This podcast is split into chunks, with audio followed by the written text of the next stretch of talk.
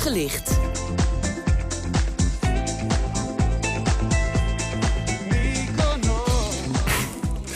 Nou, we zijn meteen in strandsferen van Mykonos wel te verstaan. Kate Moss, Elon Musk en de Kardashians. Het Griekse eiland Mykonos trekt een record aantal toeristen dit jaar.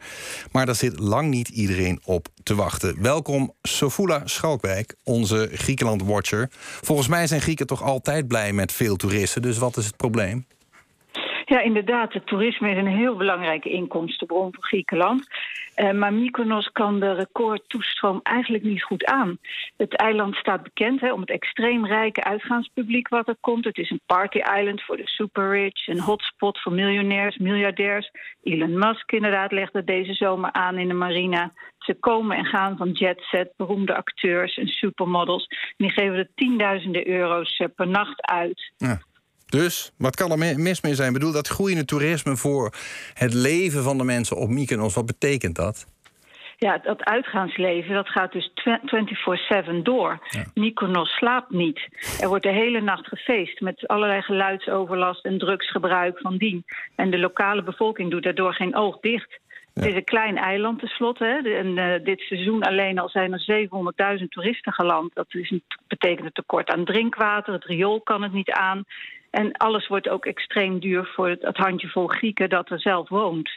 Dus er zijn stemmen die zeggen: laten we het rustiger aan doen, laten we het anders gaan doen? Ja, absoluut. Eh, de, de, klagen gewoon mensen over die, daar, die zeggen: dit gaat te ver. Eh, we, we kunnen het niet aan. Ja. Speelt het, infrastructuur. Speelt, ja, sorry. Het, speelt deze zorg alleen op Mykonos of speelt dat inmiddels ook op andere eilanden? Nou, um, Santorini is ook wel, lijkt er een beetje op, hè, dat vulkaaneiland.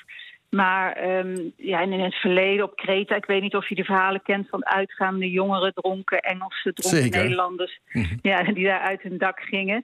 En uh, Griekenland is ook nooit zo blij geweest met dat rugzaktoerisme. Dat, uh, die, die, al die island hoppers die een paar tientjes per dag uh, uitgeven. Maar dit, um, de klachten over dit Mykonos en die rijke toeristen, dat is toch wel nieuw hoor. Ze brengen tenslotte heel veel geld in het laadje. Dus als u naar Mykonos gaat volgende zomer, doe het alsjeblieft rustig aan. Dankjewel, Sevoeda Schalkwijk. Uh, zometeen uh, zit hier Umberto Tan. Die gaat praten over de woningnood onder huisartsen. Die hebben gewoon geen werkruimte meer. En daar gaan ze over praten. En wij zijn er maandag weer om half twee natuurlijk. Tot dan.